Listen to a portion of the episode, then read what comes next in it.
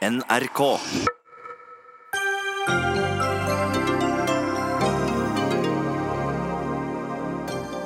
Oppdrettsnæringen bør skatte mer. Naturressursene de henter opp tilhører oss alle, mener utvalg. Akademisk tullball som ødelegger konkurransekraften, svarer sjømatbedriftene. Så få norske studenter tar doktorgrad innen IKT at det kan true vår nasjonale sikkerhet. To av tre stipendiater kommer fra andre land, og mange av dem kan ikke bli sikkerhetsklarert i Norge.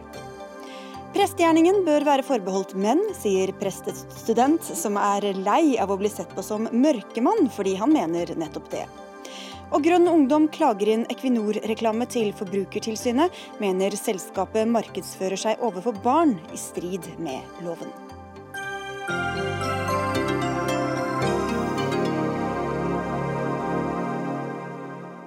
Dette er ukas første Dagsnytt 18, hvor vi også skal diskutere hvor vi skal gjøre av farlig avfall i framtiden. Jeg heter Sigrid Solund.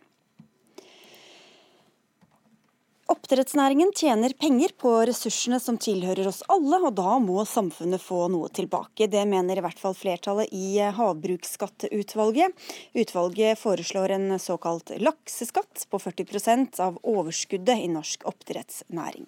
I dag ble rapporten deres overlevert finansminister Siv Jensen, som nå sender den videre ut på høring. Og Karin Helene Ultveit Moe, du er professor i økonomi og ledet dette utvalget. Hvorfor er det riktig å skattlegge denne næringen? Næringa ekstra? Det er fordi at denne næringen får lov til å bruke en begrenset naturressurs. Det som gjør, og den begrensede naturressursen den tilhører fellesskapet. Og den begrenses av to ting. Det ene er at det er naturen selv som på en måte da bestemmer hva som er egnede områder uh, for oppdrett. Og det andre er at for at du skal drive oppdrett, så må du ha tillatelse. Det er det staten som gir. Og nå er det engang slik at 97% av denne tillatelsesmassen som da har blitt gitt ut, den har blitt gitt ut gratis eller langt under markedspris. Så i realiteten så har de fått lov til å bruke noe som tilhører oss alle, uten omtrent å betale noen ting for det. Og Hva er ordningene da for denne næringa, sammenlignet med andre som, som, dere sammenligner med? Ja, De vi mener er naturlig å sammenligne med, det er jo da oljenæringen og kraftverkene.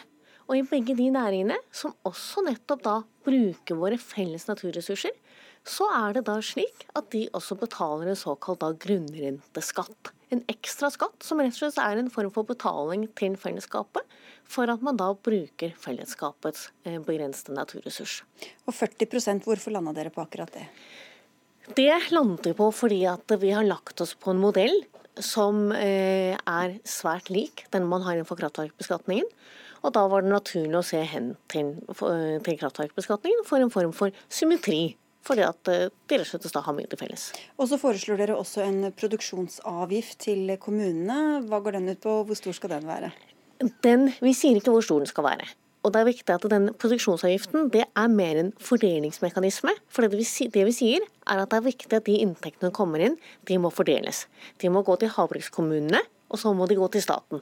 Og for å på en måte da finne ut av hvor mye kommunene skal få, så sier vi at de skal få, noe, de skal få en andel av den totale skatteinntekten som kommer inn, som bestemmes ut av hvor mye aktivitet det er i kommunen på havbrukssiden. Og da, Derfor får den form av en produksjonsavgift. Men den får fordi det er en, en måte vi fordeler skatteinntektene på, så får vi da ikke alle disse negative aspektene som en produksjonsavgift, hvis det var det som var utgangspunktet, ville gitt. Og dette er veldig viktig at kommunene får inntekter herfra, for det vil gi at, sørge for at de får stabile og forutsigbare årlige inntekter. Og det har de ikke i dag. Robert Eriksson, du er administrerende direktør i Sjømatbedriften, altså en interesseorganisasjon innen oppdrettsnæringen. Det er sikkert mange som husker deg som Frp-statsråd, og du håper da at din tidligere partikollega finansministeren vil legge denne rapporten rett i skuffen. Hva har den der å gjøre? Ja, for det første så syns jeg det er helt meningsløst å skal innføre en særskatt på, på havbruksnæringa. Eh, jeg registrerer at den sittende regjering eh, og de partiene som eh, representerer sittende regjering, har gjort klare landsmøtevedtak om at man ikke ønsker denne type beskatning. Jeg registrerer også at regjeringspartiene har sagt at man ønsker å avskaffe særskatter, og, og da forventer jeg at man ikke innfører nye når man sitter i, i regjeringsmakt. Og så blir jeg litt sånn oppgitt over den argumentasjonen som utvalgets leder eh, Ulfet Moe eh, fremfører. For Man får et inntrykk av at havbruksnæringa ikke har bidratt med noen verdens ting, og det har vært kasta gratis konsesjoner etter dem. Det er totalt feil. For det første så har næringa bidratt i stort monn. Når vi så på den siste vekstrunden, så betalte man var inngangsbilletten 120 millioner kroner for hver konsesjon. Eh, I tillegg så er man med å skape store arbeidsplasser eh, langs kysten. Eh, det er vel ingen næring som har større ringvirkning enn havbruksnæringa. Hvis du ser Sintef sin undersøkelse, der én ansatt i havbruksnæringa genererer én ansatt i annen næring. Hvis du ser på eksportverdien okay. jo, jo, men det er et viktig, viktig poeng. Hvis du ser eksportverdien til næringa, som er da 100 milliarder kroner. Hvis du omregner den i drift av sykehjemsplasser til rundt 130 000 og sier, eh, sykehjemsplasser, og sier at denne næringa ikke bidrar til fellesskapet, blir totalt feil. Ja, men Dette her er jo bare tull. Nei, er sier. Nei, jeg sier, ikke, sier, jo absolutt ikke at ikke næringen bidrar til fellesskapet. Per nå så betaler de samme type skatt som alle andre bedrifter. Men nå er nå næringen i en særstilling fordi de får lov til å bruke en ressurs. Og la meg understreke. Og hele utvalget er enige om at dette er en flott næring. Det er en suksesshistorie uten sidestykke eh, når, det gjelder, når vi ser på næringslivet i Norge. Det er helt supert. Dette er ikke en form for straff. men du sier at næringen har betalt så mye. Næringen betalte i siste konsesjonsrunde. betalte de markedspris. Men de har da så langt betalt ca. 7 milliarder kroner, og de har fått verdier som man kan anslå at ligger på 200 milliarder kroner. Og så skal vi også ta med at denne Historien her er jo det at denne næringen begynner som en attåtnæring rundt hele Kyst-Norge. Med mange småbedrifter. Det er jo ikke sånn det er lenger. Vi hadde tidligere over 600 bedrifter, i dag har vi 100 bedrifter. Der fire, fire bedrifter sitter og kontrollerer 50% av produksjonskapasiteten her. Og det er igjen slik at utlendinger de sitter igjen og da eier 30, 35% av produksjonskapasiteten. Så Vi snakker om store multinasjonale selskaper, vi snakker om en stor grad av utenlandske eierskap. og ja, men, det, det, det, men, hvorfor skal de tjene så mye penger på ressurser som egentlig tilhører eh, hele det norske folk, Eriksson? Jo, men Det er jo der mindretallet i utvalget har forstått hva det dette dreier seg om, og flertallet ikke forstått det. For Når man hører uh, Ulfeth Moos prate, så får man ikke inntrykk av at det finnes bare fem oppdrettsselskap i Norge som er store børsnoterte. Det er 176, bare som en saksoppløsning, oppdrettsselskap i dag. For 30 år siden var vi 980. Uh, eh, mange av disse her satsa hus og heim. Noen av dem gikk konkurs. Prisene to, trenger ikke tilbake lenger enn til 2012, så var lakseprisen under 20 kroner kiloen. Jo, men da betaler de jo mindre skatt de, også, hvis de, de tjener ikke for så stort overskudd. De verdiene du peker på, de utnytter uten en ressurs. De, de låner, bruker vann i en periode av, av, av laksen sin tid. Verdiene som er skapt, har de jo skapt sjøl. Fisken har de produsert sjøl. Fôret betaler dem, utstyret betaler dem. Og ikke minst så vil det være viktig å ha en næring som kan beholde mer kapital til å være innovativ, for og, å sikre at man får enda mer miljøvennlig ja, matproduksjon enn vi har i dag. En av de næringene mange peker på når vi nå skal få mindre, være mindre oljeavhengige. Ja, og det er flott. Men vi men vi foreslår jo en skatt som tar hensyn til at man produserer eh, settefisk på land. Som tar hensyn til alle disse kostnadene. Men som rett og slett går inn og sier at når man da går med store overskudd, så må, så skal en del av det deles med fellesskapet. På samme måte som at fellesskapet også skal være med å ta nedsiden når det går dårlig. Så eh, dette handler ikke om at næringen ikke bidrar i dag, men det handler om at næringen per i dag ikke betaler for denne spesielle retten de har til å bruke våre felles naturressurser. Og dette med å låne fjordene, det er jo bare tull. Man har fått noe som er ganske spesielt. Man har fått tidsubegrensede tillatelser, altså for alltid. Og det er jo ikke slik at alle andre derfor kan gå ut og hive ut en mære hvis de har lyst på det. Så dette her er jo virkelig en konsentrasjon av verdier. Og det er et viktig bakteppe her. At er det noe vi er opptatt av i Norge i dag, så er det fordeling. Vi ser at det etter hvert er et stort problem i vår del av verden med økende inntektsforskjeller. Det, da må vi sørge for at vi har skatteregimer som gir en god fordeling til det så er denne formen for skatt veldig bra. Du, vi skal snart sette over til en tredjeperson, men du er ikke, det er jo som det ble nevnt her, politisk flertall mot denne skatten. Du er ikke redd for at alt bare havner i en skuff, selv om det sendes ut på høring og ferdig med det, ses aldri mer? denne rapporten? Vi har forskjellige roller.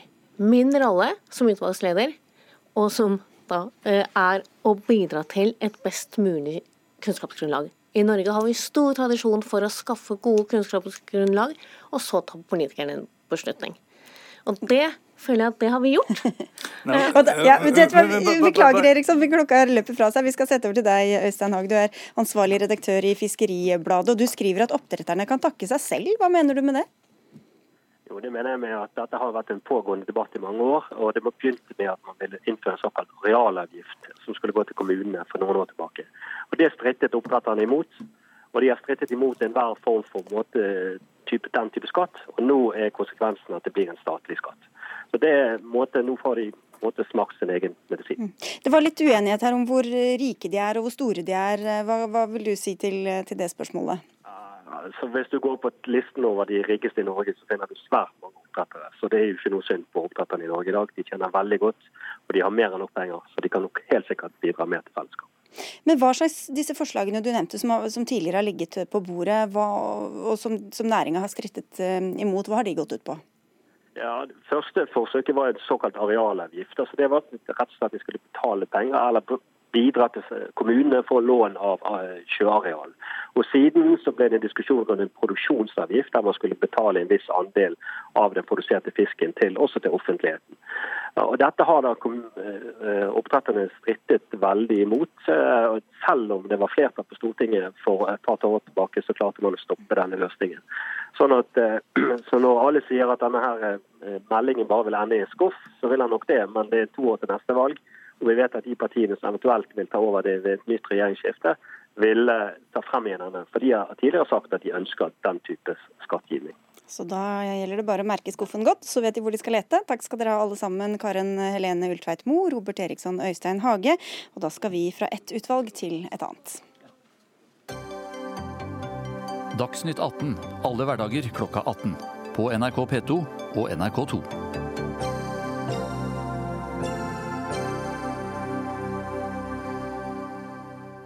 Debatten har vært lang og den har vært høylytt, og i dag kom anbefalingen fra dette ekspertutvalget. Det bør ikke lagres farlig avfall i gruvene under tettstedet Brevik i Telemark. Dagens deponi på Langøya i Vestfold blir fullt i løpet av få år, og nå er det uklart hvor et nytt deponi skal legges. Og en som jubler over dagens nyhet, det er du, ordfører i Porsgrunn, Robin Koss. Regjeringa har jo ikke konkludert ennå, men du tror at saken er vunnet for deres del? Ja, absolutt. Det som ekspertutvalget sier helt tydelig, er jo det som vi nå har sagt i flere år, at her finnes det flere alternativer. Dette er et eh, marked, det er en del av nordisk samarbeid, det er en del av EØS-avtalen.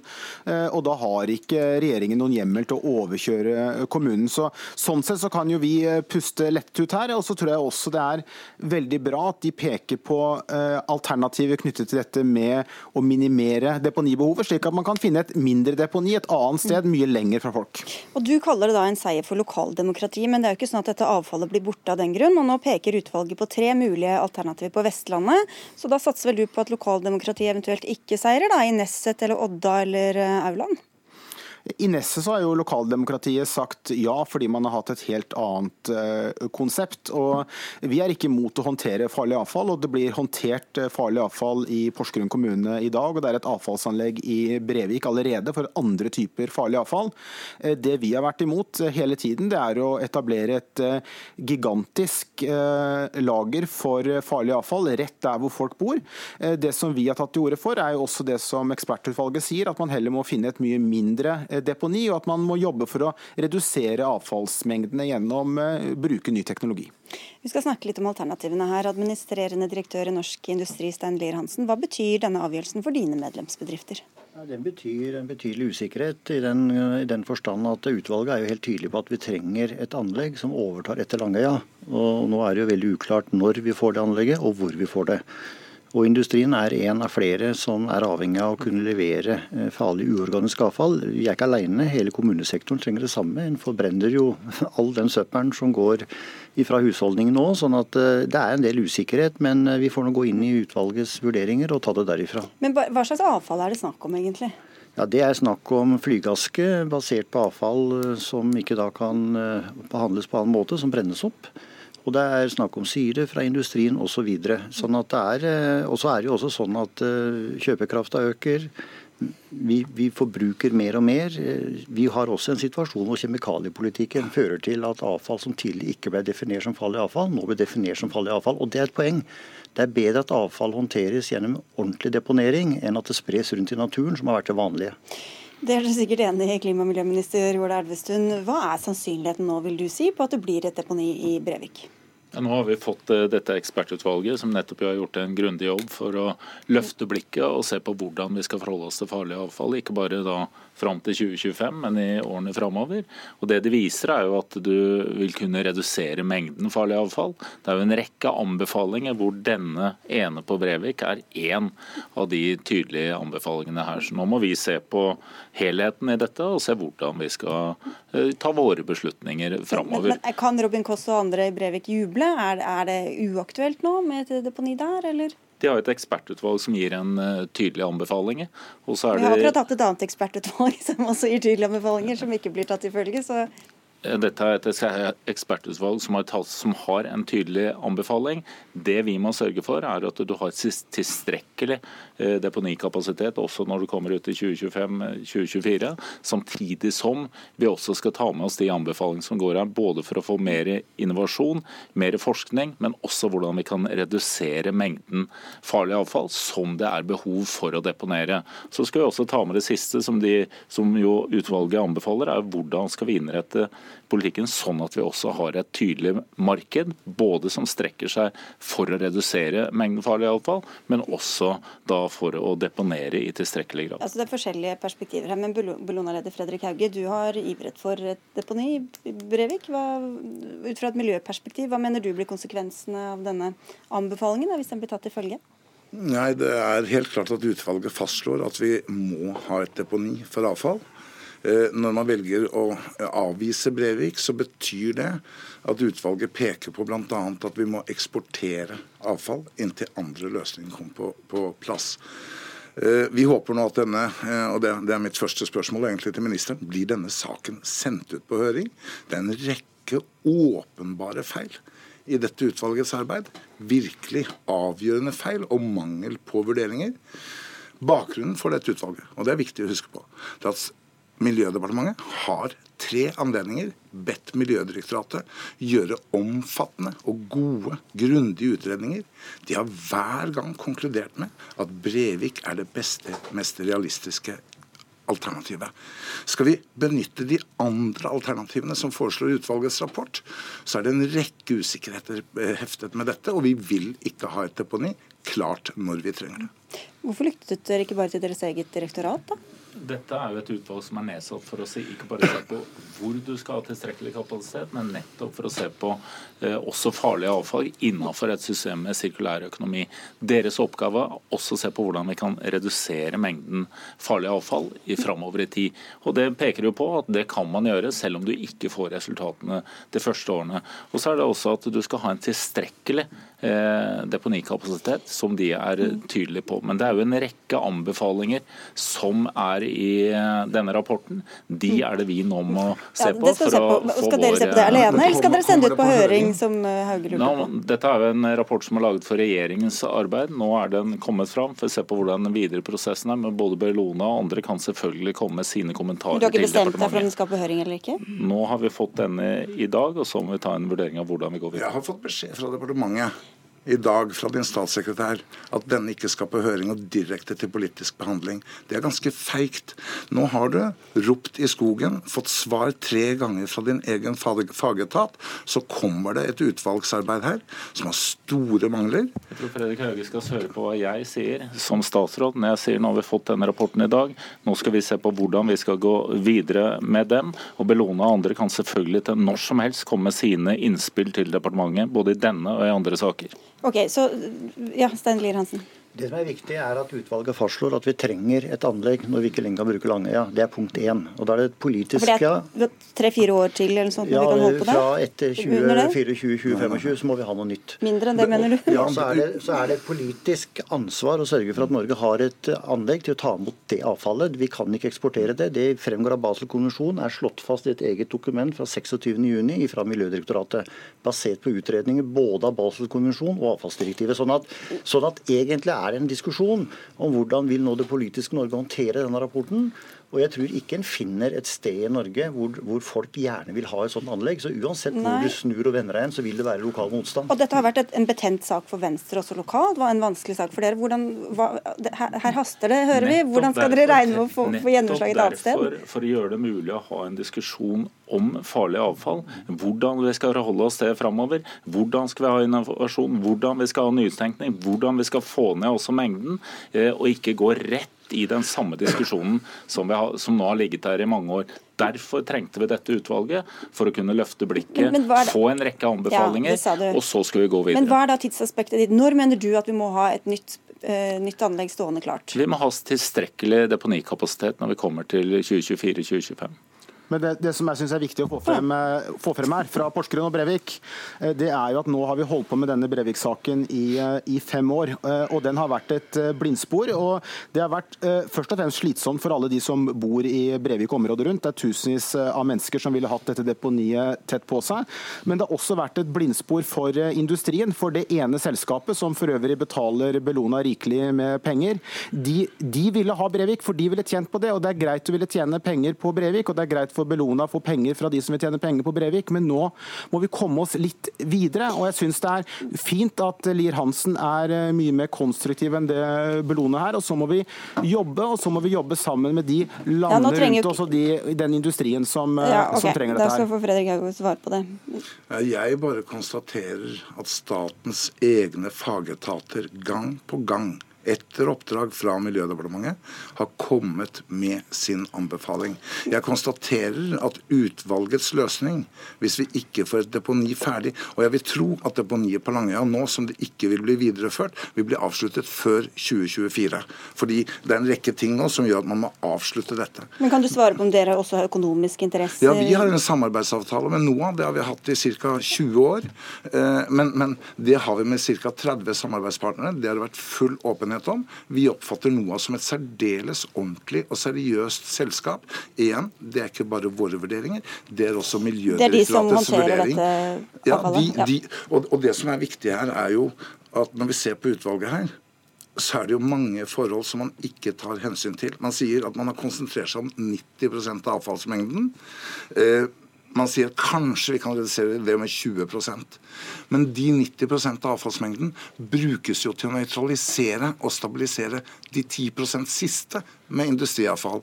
Og det tar man ikke hensyn til her. Så nå risikerer vi veldig fort at vi har en løsning i Norge som ikke er ferdig tidsnok, og som ikke tar hånd om alt avfallet. Altså fordi at de 10% er farligere og trenger det 90, de 90 er det sånn Ja, man, man nøytraliserer eh, i en gipsform de miljøgiftene som er i, sånn at de ikke er tilgjengelig kjemisk. Og, og, og det, resultatet nå er jo, hvis man følger dette utvalget, jeg sier ikke at Elvestuen gjør det, men, men det vil bli at Norge virkelig undergraver de internasjonale konvensjonene om eksport av avfall, fordi vi ikke kommer til å ha et avfallsdeponi ferdig. Er det aktuelt for Norge å eksportere dette avfallet? Ikke gjøre. Vi skal, ha et system, vi skal ha et system for farlig avfall i Norge som er framtidsretta, der vi ligger foran også å utvikle, utvikle de løsninger som kan redusere mengden. Der henger vi etter sånn som det er per i dag. Og nå var vi, ja, Det er både for å redusere mengden og hente ut salt fra flyvask og andre, så kan du se at det er andre andre steder man har kommet men, men, men, lenger. Til, til det vi, men, det vi, trenger å gjøre, vi skal, et, vi skal, ha et, system for farlig avfall hvor vi håndterer vårt avfall. Det som utvalget har pekt på når det gjelder eksport eller import, nå er det jo mye som også importeres til Norge i dag, så er det jo eventuelle overgangsordninger. Og Det er én av de, det grunnlaget Men da er det jo litt, det er uenighet om tidsperspektivet her, hvor god tid dere har på det, men også mengden avfall. Hvordan kan du føle deg så sikker på at, at den vil gå ned og ikke opp i, i årene som kommer? Jeg sier at at her sånn har vi nå fått et faglig grunnlag med anbefalinger om hva vi kan gjøre for at mengden av det som må deponeres, vil kunne gå ned. Det må vi selvfølgelig se nøye på. Samtidig som det er helt klart at Norge skal ha en tilstrekkelig deponikapasitet. og Det peker også utvalget på hvordan man kan få. Samtidig som også innenfor dette området så er det en teknologiutvikling som vi skal være en del av. Okay, hvis jeg til Stein Lier Hansen det som er hele Poenget her er at den ene komponenten her er flygaske. og Det blir altså det resultatet etter at man brenner mitt og ditt restanfall. Så har industrien syre som kan leveres, og så kobler du det flygaska med syre, så stabiliserer det til gips, og dermed så kan det lages på en bedre måte. Den metoden vil nok brukes uansett hvor en velger et lager. Men det som er poenget her, det er at vi har ingen uenighet om at vi skal jo gjenvinne mest mulig. Men vi skal ikke gjenvinne så mye at farlig avfall havner ut i naturen. Det er hele problemet i et lite nøtteskall. Men uh, vi hørte fra Brevik her at det var litt klage på prosessen, og at dette har dratt uh, ut i, i langdrag. Og der er vel dere to herrer her også i studio Ja, det, er, det har tatt lang tid, det er, og det er så klart en kontroversiell prosess. og Den tror jeg det vil advare enhver statsråd om at det blir ikke noe lettere i Raudsand eller i boligen eller hvor som helst. Det vil alltid være lokal motstand, og det vil være påstand mot påstand. Så dette er en sak hvor du er dømt til å være upopulær. Nei, her, her, her, her, mener jeg at man, man må ja, bryte, ja, eh, her, må man ikke, her kan man ikke sammenligne. Her var det snakk om å ha et eh, megadeponi rett under husene til tusenvis av mennesker. Det ser ut som du har vunnet, du trenger ikke å ta den kampen lenger nå. Nei, men, men, men, jeg er helt på tampen, Fredrik Hauge. Ja. La, la, la, meg presisere at det som skjer hvis man følger utvalgets anbefaling, er at vi vil få transport langsmed kysten av ubehandlet avfall mye lengre. Den løsningen som var, var fortsatt behandling på Langøya og deponering av ferdig behandlet avfall, som det representerer svært liten miljøfare med å legge i disse deponiene. Det som nå skjer, og jeg skjønner det er en vond prosess for mange involverte, men det som nå skjer, fordi vi mangler politisk lederskap, fordi Elvestuen ikke hører på sine egne fagetater, så får vi utelukkende anledning til å kommentere denne hvis du sender den ut på høring. Det er min sterke oppfordring, Elvestuen. Her er det mange feil som er gjort i dette utvalgsarbeidet. Og siste ting, sirkulær økonomi er vi for. Men også EU bruker ikke begrepet sirkulær økonomi om denne type avfall. Tvert imot, man presiserer at gjenvinning og sirkulær økonomi ofte ikke er bedre enn å få det deponert. Farlig avfall skal selvfølgelig ut av systemene og skal deponeres, men mengden farlig avfall må reduseres der det er mulig. Og Nå har vi fått et eh, ekspertutvalg. De har lagt fram en grundig rapport. Den har vært, den har vært eh, den bredt, den er bredt sammenlagt. Det er, din, det er din påstand, Fredrik Hauge. Det, det, skal du få komme med. Men dette er nå, den, er grunn, den er grundig gjennomgått. Nå har vi fått en rekke med anbefalinger, og så skal vi eh, forholde oss til til de i de beslutningene som skal tas. Så får alle vente i spenning om dere vil sende ut på høring eller ikke. Takk skal dere ha, i hvert fall alle fire. Klima- og miljøminister Ola Elvestuen, Bellona-leder Fredrik Hauge, Stein Lier Hansen, direktør, direktør, i Norsk Industri, og Robin Kosmer, ordfører i Porsgrunn, altså.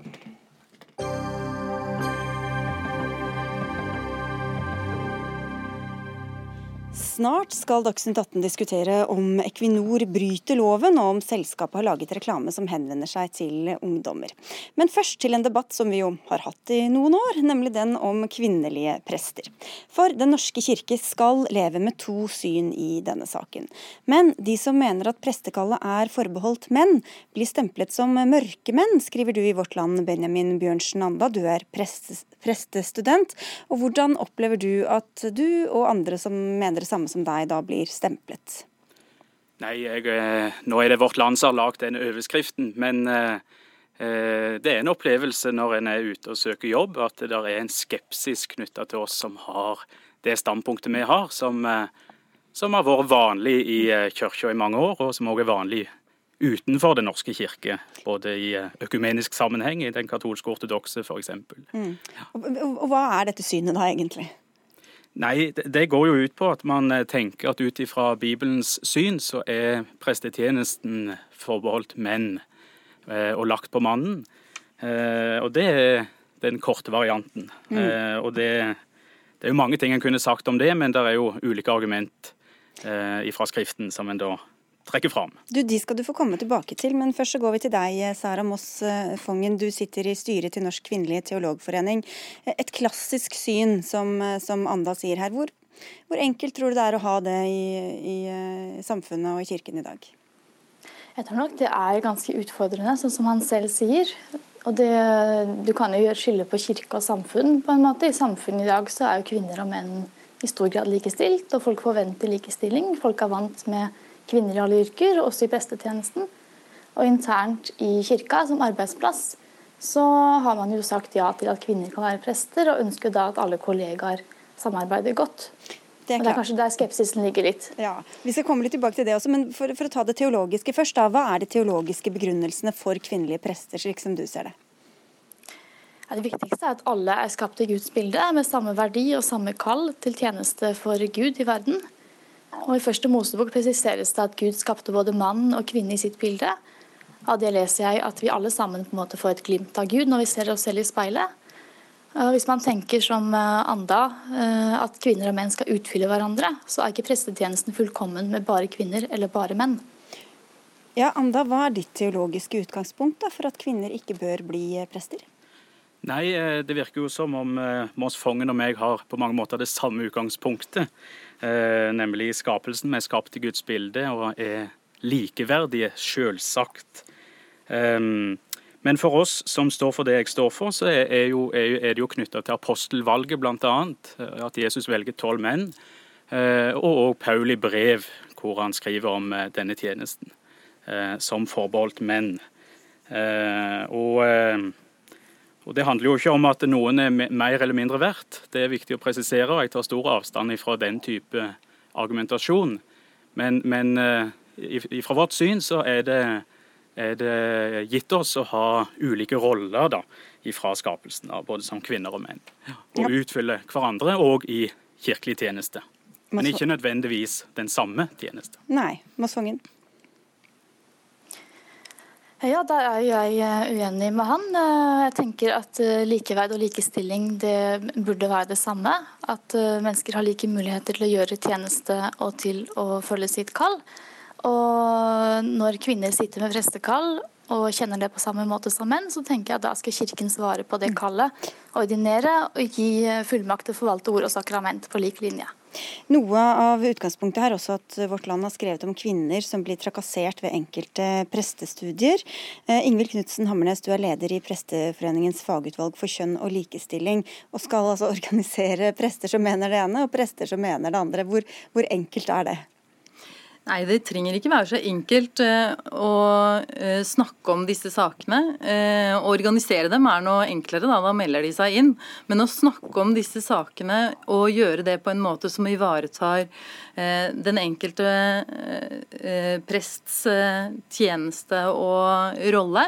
Fordi at det er jo litt sånn at når vi snakker teologi og snakker om kvinners rett til prestetjeneste, eller mulighet til prestetjeneste, at vi snakker ikke bare om sak, men vi snakker om person.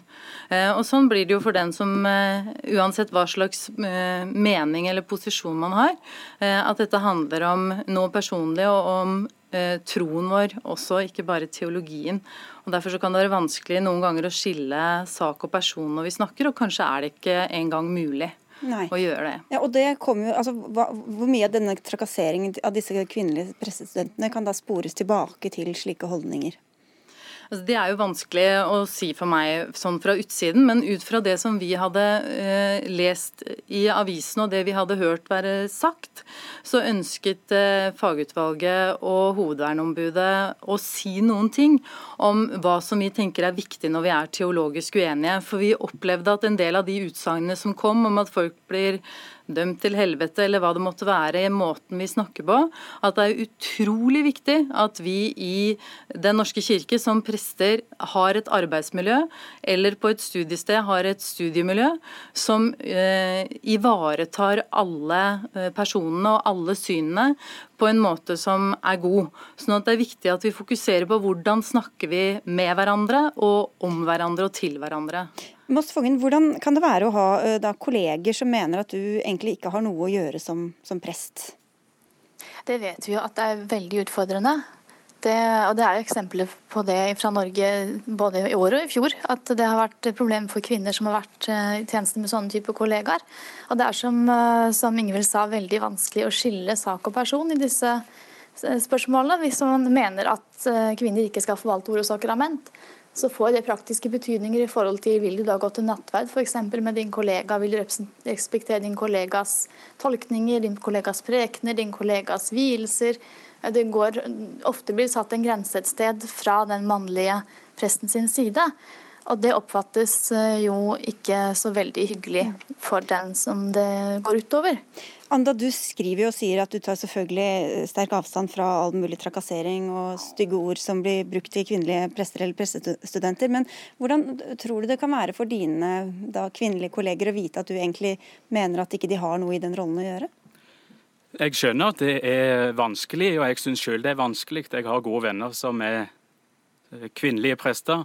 Og Jeg har også konferert med de når jeg har sendt ut mitt innlegg i Vårt Land, og fått gode tilbakemeldinger på det. Eh, og fått gode tilbakemeldinger fra kvinnelige prester andre steder som ser poengene i det innlegget i Vårt Land. Eh, så her handler det om at en er nødt til å ha en gjensidig respekt. Og jeg håper jo at denne gjensidige respekten òg kan gjøre at vi kan handle, altså at det faktisk kan få faktiske konsekvenser, selv om de ikke er hyggelige. da. Eh, for så, sånn må det være, tenker jeg da når man, eh, når man er uenig, så får det òg faktiske konsekvenser, som eh, Moss Fongen er inne på. Um, ja. men, men, det må, må, skje i en respektfull tone, selvfølgelig. og Det, det håper jeg jo at, eh, at, vi kan gjøre, og at det kan bli mer av det. Jeg lar det seg gjøre, egentlig, Hamnes, tror du? Eller å si respektfull måte at jeg syns ikke du burde ha den jeg tenker at det i hvert fall er veldig krevende. Og jeg tenker at det er viktig eh, å si at Den norske kirke ordinerer både kvinner og menn til tjeneste. Eh, og da må det være sånn at det er trygt og greit for både kvinner og menn å komme på jobb og være på jobb. Eh, og at den samtalen vi eventuelt skal ha om kvinners prestetjeneste og den debatten rundt det må ha noen rammer som gjør at den ikke liksom skjer hele tiden og hver dag og på den måten, liksom. Men at det må være sånn at utgangspunktet er at vi skal samarbeide. Eh, fordi Den norske kirke ordinerer både kvinner og menn til prestetjeneste, og da må vi samarbeide i prestetjenesten selv om vi har ulike syn på kvinners prestetjeneste, eller og, andre temaer. Og på dampen, Anda, Du har jo på en måte samfunnet imot deg i, i stor grad, selv om du nevnte andre, andre mm, kirke, kirker som også er enig med deg. Hvordan opplever du det, da? Å, å stå fram si, som en som er mot kvinnelige prester? Nei, jeg opplever det som, eh, som positivt, holdt jeg på å si. Altså, selvfølgelig det er mye motstand, og folk syns du er en tulling, men det får en leve med. Men eh, jeg håper at dette kan bidra til at vi får en gjensidig respekt. Og det er mitt store ønske òg i det innlegget. At vi nettopp ikke tråkker på hverandre, men eh, samtaler godt og vennlig. Ja, det gjorde dere i hvert fall her. Vi får takke for den respektfulle tonen til dere alle tre. Ingvild Knutsen Hammernes, som altså er leder av Presteforeningens fagutvalg for kjønn og likestilling, til Benjamin Bjørnsen Anda, som er teologistudent, og Sara Moss Fongen, som er styremedlem i Norsk kvinnelig teologforening. Hør Dagsnytt 18 når du vil. Radio NRK.no.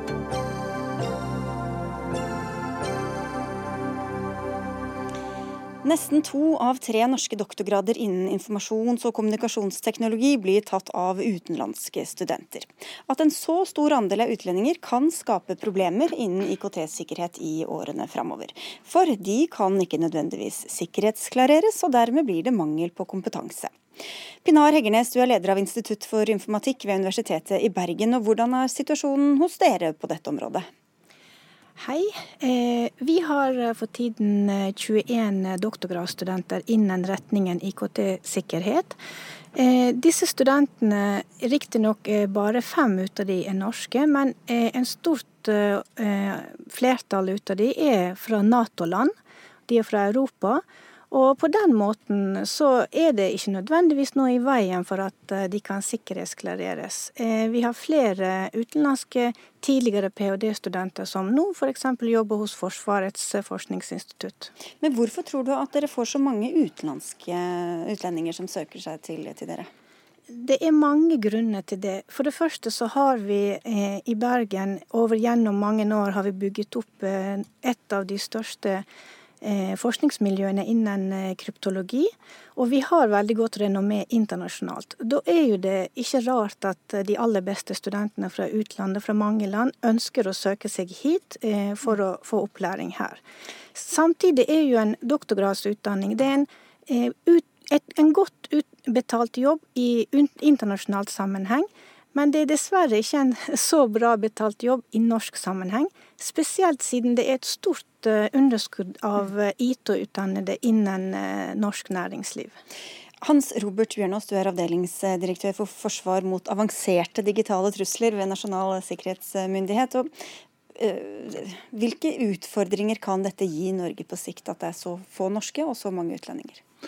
Nå er ikke jeg først og fremst opptatt av at det er for mange utenlandske som utdannes, men at det er for, for, for få norske. norske. Ja, også et begrenset antall studieplasser. Da. Absolutt. Ja.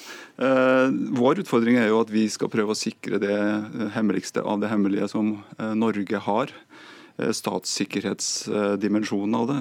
og Derfor så må vi ha trygghet for at både det vi gjør, har den kvaliteten som er nødvendig til å motstå de som ønsker å få innsikt i den informasjonen men også at vi har muligheten til å være sikre på at eh, utdanningsnivået eh, svarer opp akkurat den utfordringen.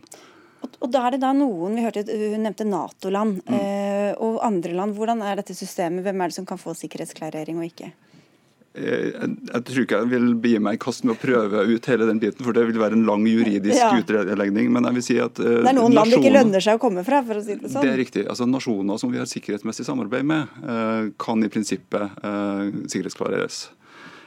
og så er det noen nasjoner som ikke har det samarbeidet. og, og det vi, vi, vi, vi er likevel i en situasjon der en del av det vi driver på med, ikke ikke vil bli delt med andre nasjoner. Innenfor kryptologi, som er et av mine ansvarsområder, så er det faktisk slik at nasjonene deler veldig lite.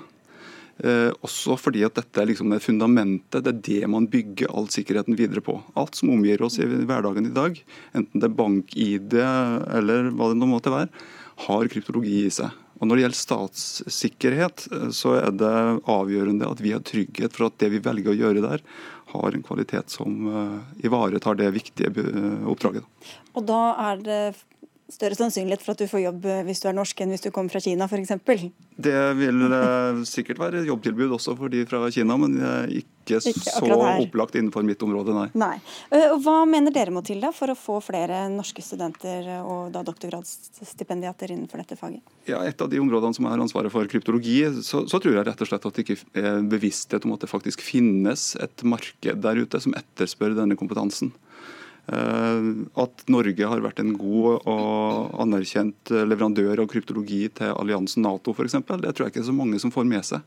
Derfor vet man faktisk ikke hva man bør gi seg i kast med. Mm. Eller kan gi seg i kast med. For det finnes mange gode og interessante arbeidsoppgaver der ute for noen som er interessert i realfag. Vi får høre om noen lar seg lokke av de som lytter eller ser på Dagsnytt 18. Men Guri Melby, du sitter på Stortinget for Venstre og er slags stedfortreder for din partikollega Iselin Nybø, som er utdanningsminister og er i Sør-Korea. Det kan altså true vår nasjonale sikkerhet. Hva, hvilket grep tar dere? Ja, altså det her er jo noe som vi er nødt til å ta på alvor. Det her har jo vært varsla egentlig over lengre tid. Det kom en grundig rapport fra NIFU også for et par år siden som, som viste hvor stort behov det er for mennesker med toppkompetanse innenfor IKT-sikkerhet, og særlig da et såpass smalt fagfelt som kryptologi, og at de da kan jobbe i de stillingene der vi virkelig trenger dem som nasjon. Eh, og så er jo det her litt krevende. for det er klart, eh, Vi ønsker jo også innenfor disse fagområdene å tiltrekke oss de beste kompetansen. De flinkeste hodene, rett og slett. og Derfor så er det jo for så vidt positivt at vi også er attraktive internasjonalt. At det er folk fra alle land som faktisk søker seg til våre universitet for å studere akkurat dette faget. Eh, men eh, den løsninga som regjeringa nå kommer med, er jo at vi sette av noen nye stipendiatstillinger som er reservert folk som kan sikkerhetsklareres, og som dermed kan gå inn i disse jobbene som eh, NSM peker på. Eh, og vi mener jo at Den beste måten å gjøre det på, er å gjøre det gjennom et samarbeid med næringsliv og med disse etatene som faktisk mm. bruker disse folkene, og staten. Så vi gjør det gjennom 18 eh, såkalte nærings-PhD, eller offentlig sektor-PhD, som er et slags spleiselag da, mellom staten og arbeidsgiver, som sikrer at vi får folk som har den kompetansen som eh, disse virksomhetene faktisk etterspør. Mm. Og gjennom at vi tar dem som allerede er i jobb, så sørger vi også for at vi plukker dem som faktisk er eller kan bli sikkerhetsklarert. Altså en slags siling eller kvotering, eller hva skal vi kalle det, Stian Skarheim Magelsen, du er internasjonalt ansvarlig i Norsk studentorganisasjon. Hvordan stiller dere dere til det? Eh, nei, altså, vi er jo enige at vi har et kompetansebehov i Norge som må dekkes, men vi tror ikke dette er løsningen da, eh, med slike kvoteplasser til eh, norske studenter. fordi vi har jo åpenbart et problem i andre enden av skalaen. Det at vi ikke, for vi trenger jo da kvalifiserte norske stipendiater. og sånn som det er nå, Når vi ikke har nok norske, eller at det er stort sett utenlandske, så har vi enten et rekrutteringsproblem, og da må vi rekruttere bedre, eller at norske studenter da ikke er kvalifiserte, eh, like kvalifiserte som de utenlandske. og Da må vi jo dykke litt dypere ned i utdanningssystemet vårt. Fordi... Men, men, hvorfor er det ikke bra å kunne forbeholde noen plasser, enten nordmenn eller andre land vi stoler på i utgangspunktet, da?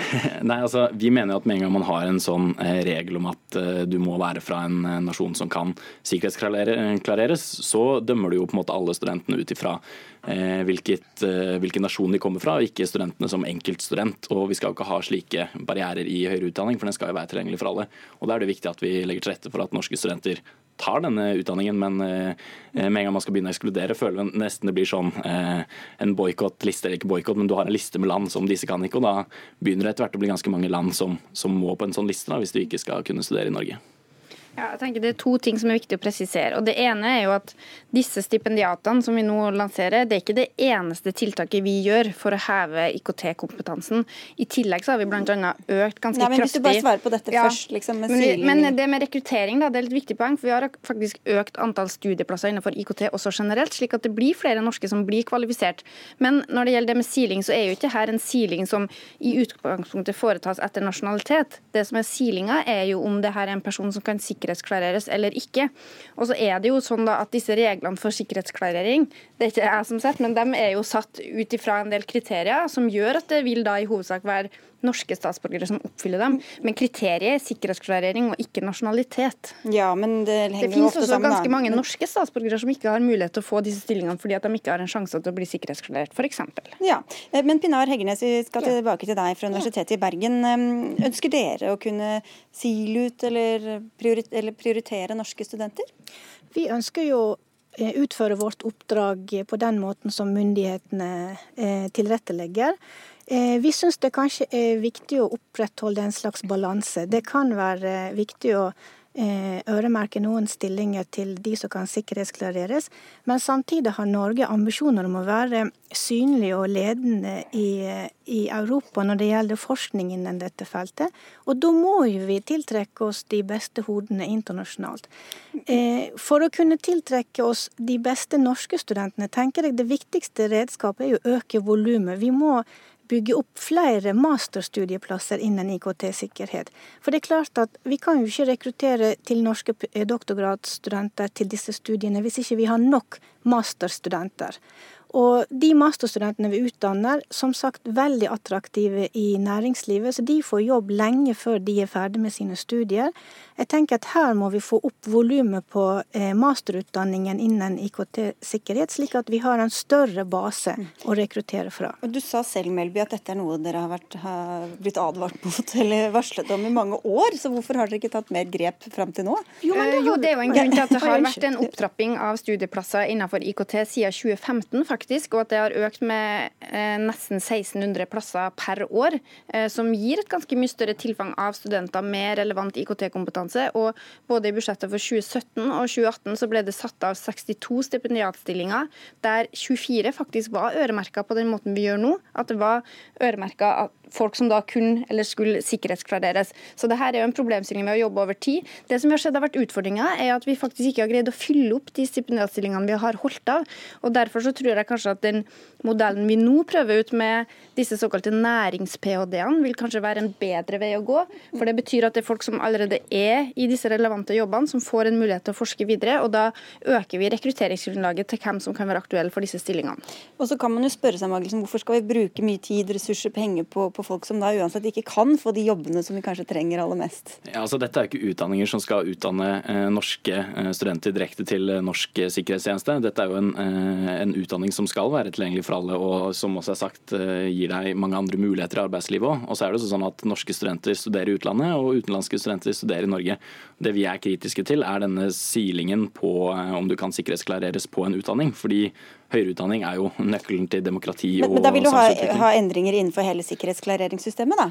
Eh, ja, så nå er jo ikke vi de som skal sikkerhetsklarere studenter eh, og folk til norsk sikkerhetstjeneste, heldigvis. Men eh, sikkerhetsklarering skal jo ikke være bakgrunnen for å kunne ta en utdanning. For en utdanning gir deg jo ganske mange andre muligheter òg. Og hvis vi skal ha norske studenter som er kompetente og kan få sikkerhetsklarering, så må vi jo rekruttere og, og øke nivået på norsk utdanning. da. Ja, For Venstre er det i hvert fall to ting som er viktige. og Det første er å sikre et fagnivå av topp klasse. Det mener jeg vi gjør med å rekruttere bredt. Men det andre er å sikre at våre helt sentrale tjenester, sikkerhetstjenester får tilgang på den kompetansen de trenger. Og da trenger vi øremerking av noen stillinger. Takk skal dere ha alle sammen for at dere var med i Dagsnytt 18. Pinar Hegnes med fra Universitetet i Bergen, til stortingsrepresentant Guri Melby, Hans Robert Bjørnås fra NSM, og til deg, Stian Skarheim Magelsen, som også er internasjonalt ansvarlig i Norsk studentorganisasjon.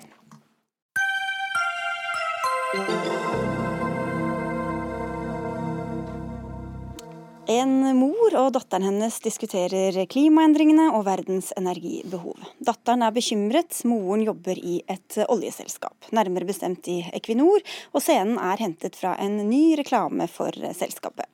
Men denne reklamen har satt sinnene i kok hos Grønn Ungdom, og dere ble så provosert at dere har klaget den inn til Forbrukertilsynet. Theodor Brud, du er talsperson i Grønn Ungdom. På hvilket grunnlag? Ja, som du sier, Vi har klaget inn Equinor til Forbrukertilsynet for brudd på markedsføringsloven av eh, to grunner. Det ene er at eh, den siste reklamekampanjen, i hvert fall deler av den, er rettet mot barn eh, direkte. Hvilket ikke bare er ufint, men også ulovlig ifølge markedsføringsloven. Og det andre er at vi mener at reklamen i sin helhet er villedende. Og at den maler et rosenrødt bilde av oljenæringen, holder tilbake deler av sannheten og uh, holder tilbake informasjon. Okay. Og uh, ikke minst holder tilbake informasjon om risikoen ved de produktene som de reklamerer for. For å ta det første først da. Dette med at det retter seg inn mot barn, hvor er det du har det fra? Hvorfor sier dere det? Det er jo måte, åpenbart, hvis man ser reklamen uh, og det er de reaksjonene vi har fått inn siden da, at, at det er et barn til stede i reklamen f.eks. Man snakker veldig et språk som er direkte til barn. Det er en mor som snakker til barnet sitt på en veldig sånn nedlatende måte f.eks. Og det vi ser her er jo at Equinor skjønner at de mister grepet over en hel ungdomsgenerasjon. Omdømmet til norsk olje og gass er på vei nedover. Tilliten til selskaper som Equinor, som livnærer seg på å selge klimaendringer, går ned. Og eh, Nå har de et slags krampetak for å vinne tilbake den tilliten, og da snakker de direkte til de klimastreikende ungdommene som er på vei til å forlate dem. Vi forholder oss til reklamen først. da, Bård Glad Pedersen, du er informasjonsdirektør i eh, Equinor. Hvem er det denne reklamen retter seg mot? Retter seg primært til uh, unge voksne uh, som er samfunnsengasjert, og som ønsker å bruke tid på å sette seg inn i viktige samfunnsspørsmål uh, og forstå ulike sider av en sånn debatt. Dette er jo en kampanje som består av flere elementer. Det er podkaster, det er noen annonser, og vi skal ha debattmøter ganske mange steder i, i landet. Men hvis det er til unge voksne, hvorfor bruker dere da en 16-åring i samtale med moren sin?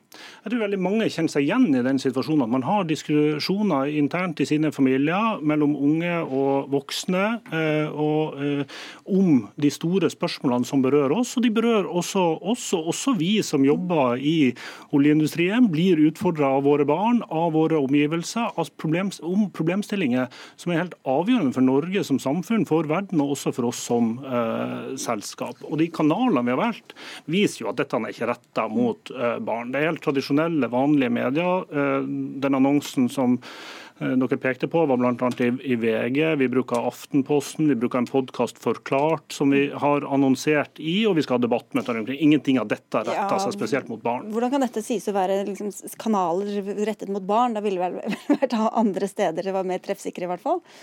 Ja, men dette her er annonser som har dukket opp sosiale medier og spredt for alle vinder. og det brukes aktivt barn i de reklamene, og de bruker et språk som aktivt retter seg mot barn. og Jeg syns det er litt sånn spesielt av Equinor ikke innrømme at det er det prøvd på. At De ser jo at der de mister oppslutning eh, for olje- og gassprosjektet sitt, det er blant de aller yngste velgerne. Det er blant de som går på skolen fortsatt, som stemmer på Grønn ungdom i skolevalget f.eks., og som går og klimastreiker. Og det er de dere nå vil eh, hente tilbake ved å spre det som eh, ligner på propaganda om norsk olje og gass. Men Det vi eh, ønsker med denne eh, kampanjen, det er å henvende oss til et ungt publikum, et klimaengasjert publikum, et samfunnsengasjert publikum, men, men voksne. Også når vi deler i sosiale medier, bruker våre kanaler for, uh, for, det, så avgrenser vi eksplisitt for å nå over uh, 18. for Vi ønsker ikke at dette skal endre seg til barn. Hvorfor har dere ikke brukt en 20-åring, da? Hvorfor har dere brukt en 16-åring i denne reklamen? Vi har prøvd å skape i den annonsen en situasjon som jeg tror veldig mange kjenner seg igjen i. Uh, at man har samtaler om disse viktige spørsmålene. at man utfordres av unge i, i, i familien, og at man utfordres av de Eh, av sine omgivelser. Og Det kanskje aller viktigste budskapet i hele kampanjen, det er at eh, klima, eh, den største utfordringen vi står foran, den berøres også via. Hvordan skal vi løse klimautfordringen og samtidig produsere energi. Og Dette er for stor utfordring til at det kan løses av ett land eller ett selskap. Det krever dialog, det krever samarbeid. og I eh, de ulike annonsene så har vi tatt ulike eksterne stemmer inn. Ja. I dette tilfellet som du har reagert på, så er det en mor og en datter som snakker sammen om disse. Andre steder har vi hatt eh, representanter fra forskningsinstitusjoner, eksperter på fornybar energi, andre ulike eksterne stemmer. Bare helt sånn konkret, altså, som du sa, det er sikkert mange familier som kan kjenne seg i denne situasjonen. En bekymret ungdom, foreldre med et litt annet syn. Men Hvorfor lar dere da moren avslutte og konkludere med at dette er noe som må skje gradvis, og så sier datteren litt sånn takk for samtalen, mamma? Nei, Jeg hørte fra din researcher i dag at dere hadde stussa opp. Jeg, jeg, tenkte ikke på det sånn da jeg så det klippet. og jeg tror De aller fleste som har en samtale hjemme, tenker på det på en annen måte enn en debatt der det er en vinner og en taper. Jeg prøver i hvert fall å ha en annen type dialog med, med, med min familie enn i, enn i Dagsnytt 18-diskusjoner. Eh, men, men, det gjenkjennelige i det, det er jo at dette er dilemma som eh, berører mange, som mange er engasjert i. og det er en diskusjon som vi ønsker å delta i. Og så til dette andre punktet deres. Er det noe i reklamen som sies som er direkte feil? Ja, for å ta det siste her først. Det er ikke det er jo ikke en dialog dere har invitert til. Dere har brukt millioner av skattebetalernes penger på å spre deres budskap på olje og gass uten å la motstander slippe til. Det er på, måte, på ingen måte en dialog. Ja, men, okay, men, ta, ja, bevisste hva dere har gjort på å spre det på den måten. Ja, vi mener at det her, den måten som olje- og gasselskapet eh, Equinor her eh, markedsfører seg selv på, minner litt om hvordan tobakkindustrien gjorde det tiår etter tiår etter tiår. De visste om Eh, helserisikoene ved røyk, f.eks., men valgte bevisst å ikke informere om det på sine reklameflater. Men de undergraver jo heller ikke at olje er en stor kilde til klimagassutslipp?